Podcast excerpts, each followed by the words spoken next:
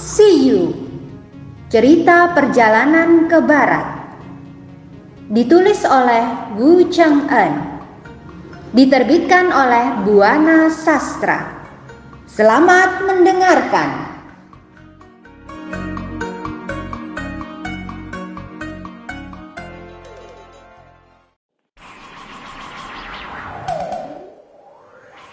Kepergian Sun Wukong dari Yu Majian dalam sekejap tersiar luas di langit.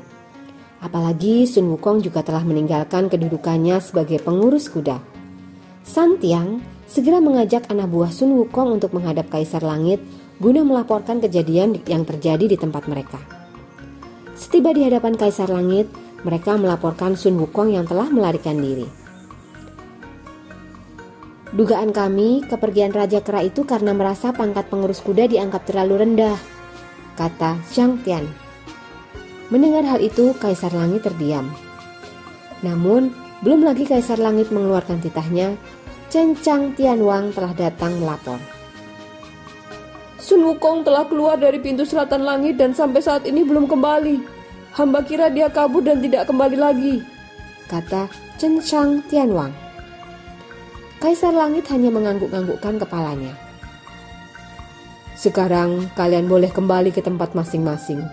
Aku akan segera memerintahkan pasukan langit untuk menangkap keranakal itu, kata Kaisar Langit. Sesudah para pelapor mengundurkan diri, Dewa Langit Li datang bersama putranya, Santai Chi Necha. Kaisar Langit lalu memberitahu perihal kaburnya Sun Wukong. Sesudah memperoleh penjelasan tentang kaburnya siluman kera, Dewa Langit Li segera menyatakan kesediaannya untuk menangkap si Raja Kera. Siluman kera itu akan kami tangkap, kata Neja dengan bersemangat. Mendengar kesediaan Dewa Langit Li dan Neja, Kaisar Langit tampak sangat gembira. Dewa Langit Li segera diangkat sebagai marsekal tinggi pembasmi iblis, sedangkan Neja diangkat menjadi dewa yang berkuasa di laut. Masing-masing diberi wewenang untuk mengepalai angkatan perang di langit. Sesudah mengucapkan terima kasih, Dewa Langit Li mengajak Neja untuk mempersiapkan angkatan perang langitnya. Chu Lin Seng diangkat menjadi Qian Feng atau kepala pasukan depan, sedangkan Yu Du Jiang diangkat sebagai pemimpin barisan belakang. Sesudah itu barulah pasukan disiapkan di pintu selatan langit. Sesudah semuanya selesai, pasukan besar ini bergerak ke bumi menuju Gunung Huako. Setiba di Gunung Huako, pasukan besar ini segera mendirikan benteng dekat lapangan di depan gua Tirai Air. Kemudian, Zhu Lingchen mengatur pasukannya karena ia mendapat perintah untuk menantang perang. Ia membawa anak buahnya yang bersenjata lengkap maju tepat ke muka gua tirai air. Di depan gua, dilihatnya anak buah Sun Wukong sedang berjaga-jaga. Hai binatang, cepat kau beritahu si pengurus kuda bahwa aku panglima perang langit datang atas titah kaisar langit. Kami datang untuk menangkapnya. Lebih baik dia menyerahkan diri agar tidak ada korban yang jatuh. Kami akan mengikatnya dan membawanya ke langit. Kata Ju Lingsen. Mendengar ucapan Ju Lingsen, anak buah Sun Wukong berlarian ke dalam gua mereka segera melaporkan situasi di luar gua kepada raja mereka. Mendengar laporan anak buahnya, Sun Wukong marah bukan main. Kurang ajar, lekas kalian siapkan baju perangku. Ia segera berpakaian, lalu diambilnya Jin Gubang dari balik telinganya. Senjata itu ia ciptakan menjadi besar. Kemudian, ia mengajak anak buahnya keluar gua untuk menyambut kedatangan musuh yang telah menghinanya. Hei monyet nakal, masihkah kau kenal padaku? Tanya Julingsen. Baru saja Sun Wukong tiba di luar gua, ia langsung berteriak dengan keras. Hei dewa berbulu, dari mana asalmu? Aku Sun Wukong rasanya belum pernah bertemu denganmu. Coba, katakan, siapa namamu? Kunyuk jahat, rupanya kau belum kenal aku ya? Kata Julingsen. Dengar baik-baik, aku adalah Julingsen, bawahan Dewa Langit Li Kedatangan kami di sini atas titah Kaisar Langit untuk menangkapmu. Sekarang berlututlah agar kami bisa mengikatmu. Dengan demikian, rakyatmu akan selamat dari kematian. Tapi, jika kau membantah, kami akan hancurkan kalian semua. Mendengar ucapan Julingsen yang sombong itu, tentu saja Sun Wukong marah sekali. Hai Dewa Berbulu, jangan bicara sembarangan di hadapanku. Aku bisa saja menghajarmu sampai mati dalam sekali pukul. Tapi sudahlah, sekarang lebih baik kau pergi. Kalau kau mati di sini, siapa yang akan memberi kabar ke langit? Cepat pergi dan katakan pada Kaisar Langit, kenapa dia tidak bisa menggunakan orang sepertiku yang berkepandaian tinggi? Masa aku yang berkepandaian tinggi hanya dijadikan tukang kuda? Coba kau perhatikan tulisan di bendera itu. Jika aku diberi pangkat seperti yang tertera di bendera itu, baru aku akan diam. Aku sebenarnya hanya ingin hidup tenang di tempat ini. Tapi awas kalau kehendakku ini tidak dikabulkan. Aku akan mengerahkan tentaraku menyerbu istana awan emas agar hidup kaisar langit tidak tenang selamanya. Mendengar ucapan Sun Wukong yang bernada menantang, Ju Lingsen penasaran. Ia langsung memandang ke arah bendera. Di sana, ia membaca tulisan yang berbunyi Ki Tianda Seng. Melihat tulisan itu, Julingsen tertawa. Eh monyet kurang ajar, kau ini dasar binatang alas tak tahu diuntung. Dasar tak tahu adat, mana mungkin kau jadi Ki Tianda Seng. Sekarang, rasakan tajamnya kapakku ini. Kata Julingsen yang segera maju dan menyerang ke arah Sun Wukong. Melihat lawannya menyerang dirinya, Sun Wukong yang sudah siaga segera menangkis serangan sang lawan. Tak lama, terjadilah pertarungan hebat di antara keduanya. Serang menyerang terjadi dengan seru, masing-masing saling mengintai kelemahan lawan. Serangan kapak bagaikan kilat, begitupun Toya si Raja Kera yang diputar bagaikan kincir diarahkan kepada Julingsen. Sun Wukong yang merasa marah karena terhina menyerang dengan ganas. Saat Julingsen mencoba menangkis serangan itu, kapaknya patah menjadi dua. Melihat kejadian itu, tentu saja Julingsen kaget. Ia langsung melarikan diri menghindar dari serangan lawannya. Sun Wukong tertawa melihat lawannya kabur. Dasar pengecut! Sekarang lekas kau sampaikan permintaanku pada Kaisar Langit! Kata Wukong sambil mengawasi musuhnya yang kabur. Julingsen tak menghiraukan ucapan si Raja Kera. Ia terus saja berlari menuju markas Dewa Langit Li. Setelah di hadapan Dewa Langit Li, ia berlutut sambil meminta ampun. Maafkan karena saya tidak sanggup menghadapi kera itu. Ternyata si Raja Kera sangat lihai.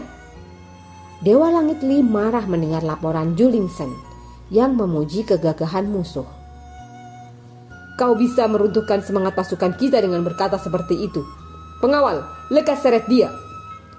Melihat Dewa Langit Li marah, Neja segera maju. Harap ayah tak memarahinya. Mungkin kata-katanya itu benar. Kalau begitu, aku saja yang maju untuk menangkap dan menghadapinya. Dengan demikian, aku bisa tahu sampai di mana kesaktiannya. Kata Neja. Hmm, kalau begitu, baiklah. Kata Dewa Langit Li.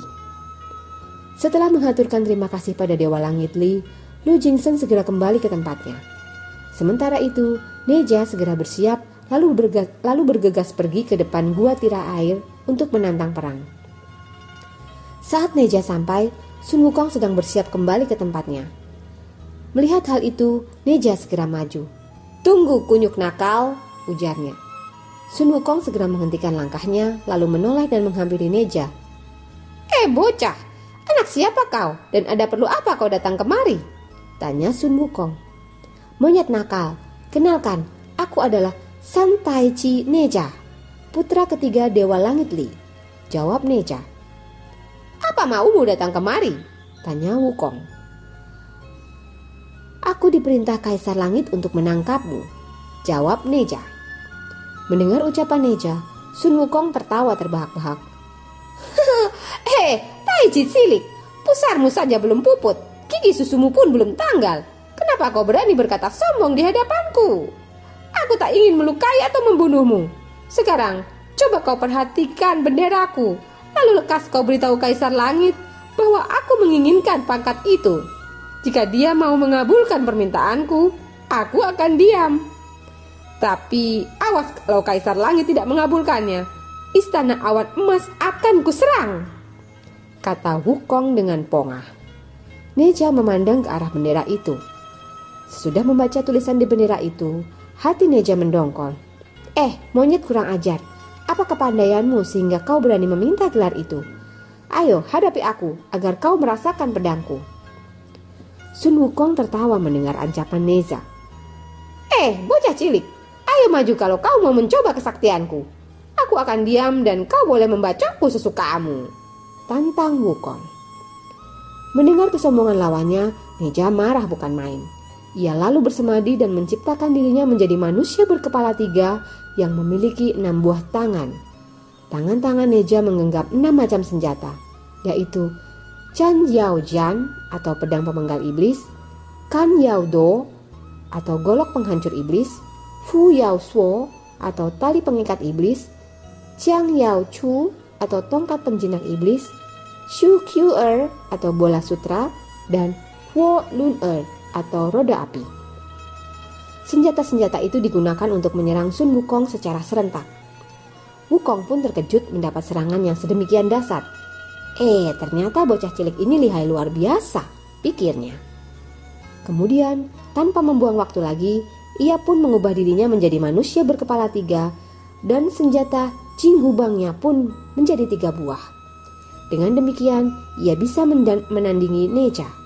Bukong kini tak berani lagi memandang ringan lawannya. Tanpa disadari, pertempuran kedua jago ini telah berlangsung seru. Masing-masing mengeluarkan berbagai ilmu kepandiannya. Namun, Sun Wukong yang tak mau kalah tetap bertahan dan melakukan perlawanan. Melihat Neja sukar dikalahkan, Sun Wukong segera mencabut selembar bulunya, lalu diciptakannya menjadi kera-kera yang serupa dirinya, lengkap dengan senjata Jing Gubang. Kera ciptaannya ini lalu menyerang Neja dari belakang. Mendapat serangan dari arah belakang, Neja tentu saja kaget. Serangan yang demikian mendadak tak sempat ia tangkis. Akibatnya, tangan kiri Neja tersambar oleh Jin Gubang. Karena kesakitan, Neja lantas kabur. Sebenarnya, selama pertempuran antara Wukong dan Neja berlangsung, Dewa Langit Li menyaksikan dengan seksama. Namun, belum sempat Dewa Langit Li membantu Neja, Wukong sudah mengalahkan putranya itu. Tak berapa lama, Neja datang lalu berlutut di hadapan ayahnya. Ternyata kera itu amat sakti, bahkan aku juga terluka oleh senjatanya. Lapor Neja. Oh celaka, kalau binatang itu sungguh hebat, bagaimana cara kita mengalahkannya? Kata Dewa Langit Li. Sebenarnya dia hanya ingin Kaisar Langit memberinya pangkat Ki Tianda Sang, kata Neja. Jika Kaisar Langit mau menuruti kehendaknya, kunyuk itu berjanji tak akan mengacau. Dia berpesan agar aku menyampaikan keinginannya kepada Kaisar Langit. Jadi, itukah permintaannya? Kalau begitu, kita jangan layani dia berperang lagi kata Dewa Langit Li. Lebih baik kita kembali saja menemui Kaisar Langit untuk melaporkan hal ini. Nanti kita lihat apakah Kaisar Langit akan mengabulkan permintaannya atau menyuruh kita menyerang dia dengan jumlah tentara yang lebih kuat. Karena pada saat itu Neza sedang kesakitan, ia hanya menyetujui saran ayahnya. Akhirnya mereka menarik pasukannya untuk kembali ke langit. Melihat musuh sudah mundur, Sun Wukong juga kembali ke guanya dengan rasa bangga.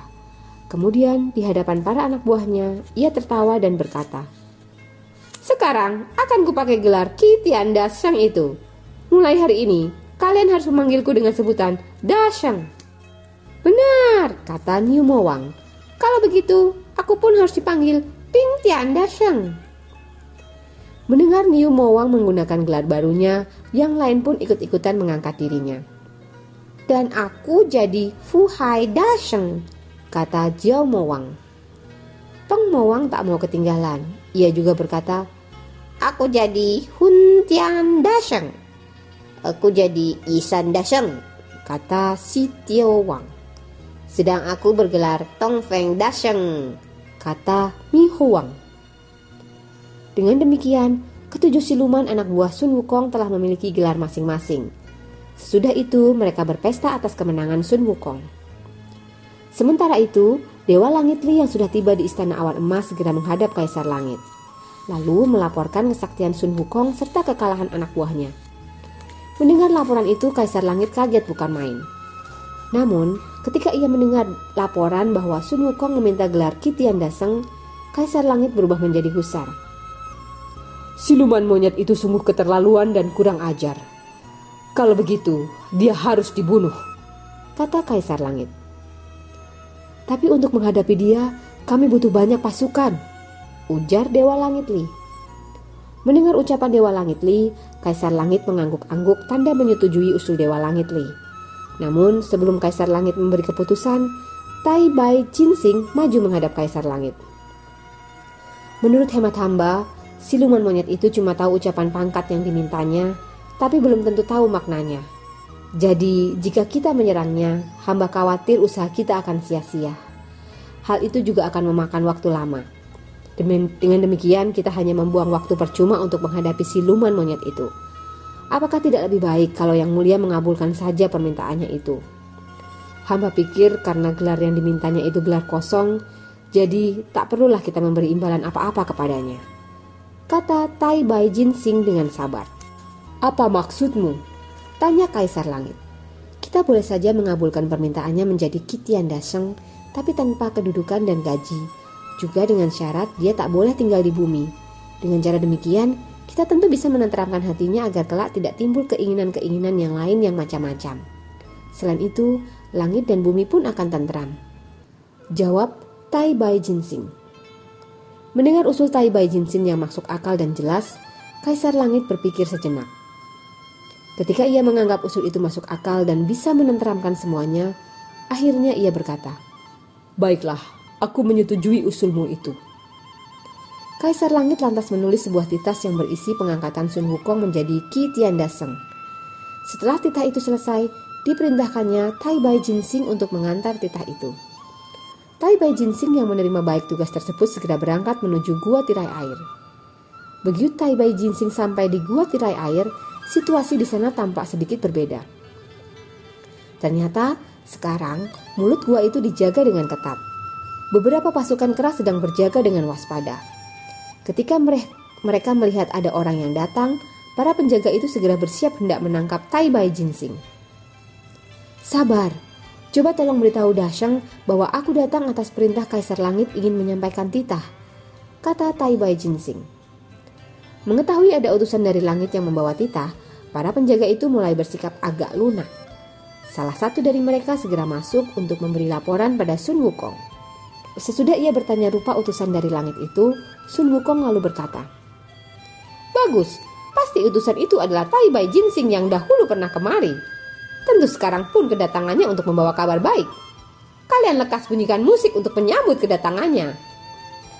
Setelah mengenakan pakaian yang bagus, Sun Wukong segera keluar untuk menyambutnya. Di depan pintu gua, ia memberi hormat pada Tai Bai Jinsing. Silakan masuk, Tuan, kata Wukong dengan hormat dan maafkan aku karena terlambat menyambut kedatangan Tuan. Sesudah membalas penghormatan itu, Tai Bai pun masuk. Sesampai di dalam gua, Tai Bai Jinsing berkata, Rupanya Daseng menganggap pangkat yang diberikan Kaisar Langit terlalu rendah, sehingga Daseng meninggalkan tugas. Padahal Daseng kurang memahami peraturan langit. Kaisar Langit memang selalu memberikan pangkat secara bertahap, mula-mula rendah dan lama-lama baru naik. Karena itu, ketika Daseng pergi begitu saja, Kaisar Langit marah dan mengirim Dewa Langit Li beserta anak buahnya. Tapi berkat kegagahan Daseng, tentara langit dapat Daseng kalahkan. Dewa Langit Li juga melaporkan pada Kaisar Langit bahwa Daseng telah memasang bendera Kitian Daseng serta menginginkan pangkat itu. Jadi saya yang berpikir bahwa permintaan Daseng wajar memberi usul agar Kaisar Langit mengabulkan permintaan Daseng. Itu sebabnya saya datang menemui Daseng untuk menyampaikan mangkat Dasheng menjadi Ki Tian Dasheng, kata Tai Bai Jinsing. Mendengar penuturan Tai Bai Jinsing yang panjang lebar, Sun Wukong tertawa gembira. Ah, dulu pun aku juga sudah menyusahkan Tuan. Sekarang untuk kedua kalinya aku menyusahkan kembali. Tapi, benarkah pangkat Kitian Dasheng itu ada di langit? Tentu saja ada Dasheng, jawab Tai Ban Jinsing. Kalau begitu, terima kasih Tuan, kata Sun Wukong girang. Aku berani menjamin tentang pangkat itu, kata Tai Bai Jinsing memberi kepastian. Sesudah itu Wukong menjamu Tai Bai Jinsing dan pengiringnya. Ketika jamuan itu selesai, Sun Wukong segera berangkat ke langit dengan diantar Tai Bai Jinsing dan anak buahnya. Sampai di istana awan emas, kedatangan Wukong disambut baik oleh tentara langit. Tai Bai Jinsing segera masuk mendahului Wukong untuk menemui Kaisar Langit.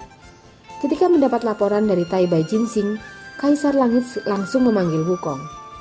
Wukong, kemari, kata Kaisar Langit. Wukong segera menghadap lalu memberi hormat.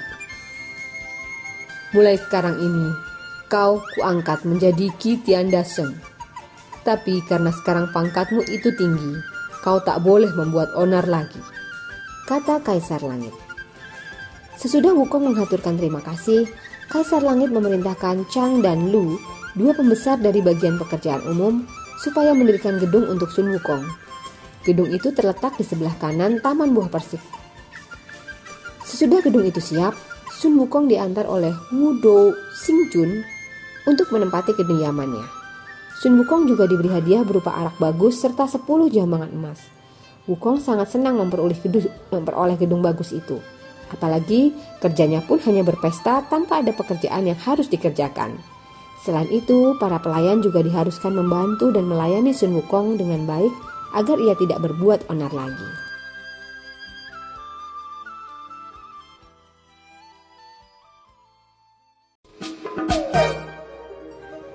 Dengarkan kisah selanjutnya dengan teman membaca yang lain.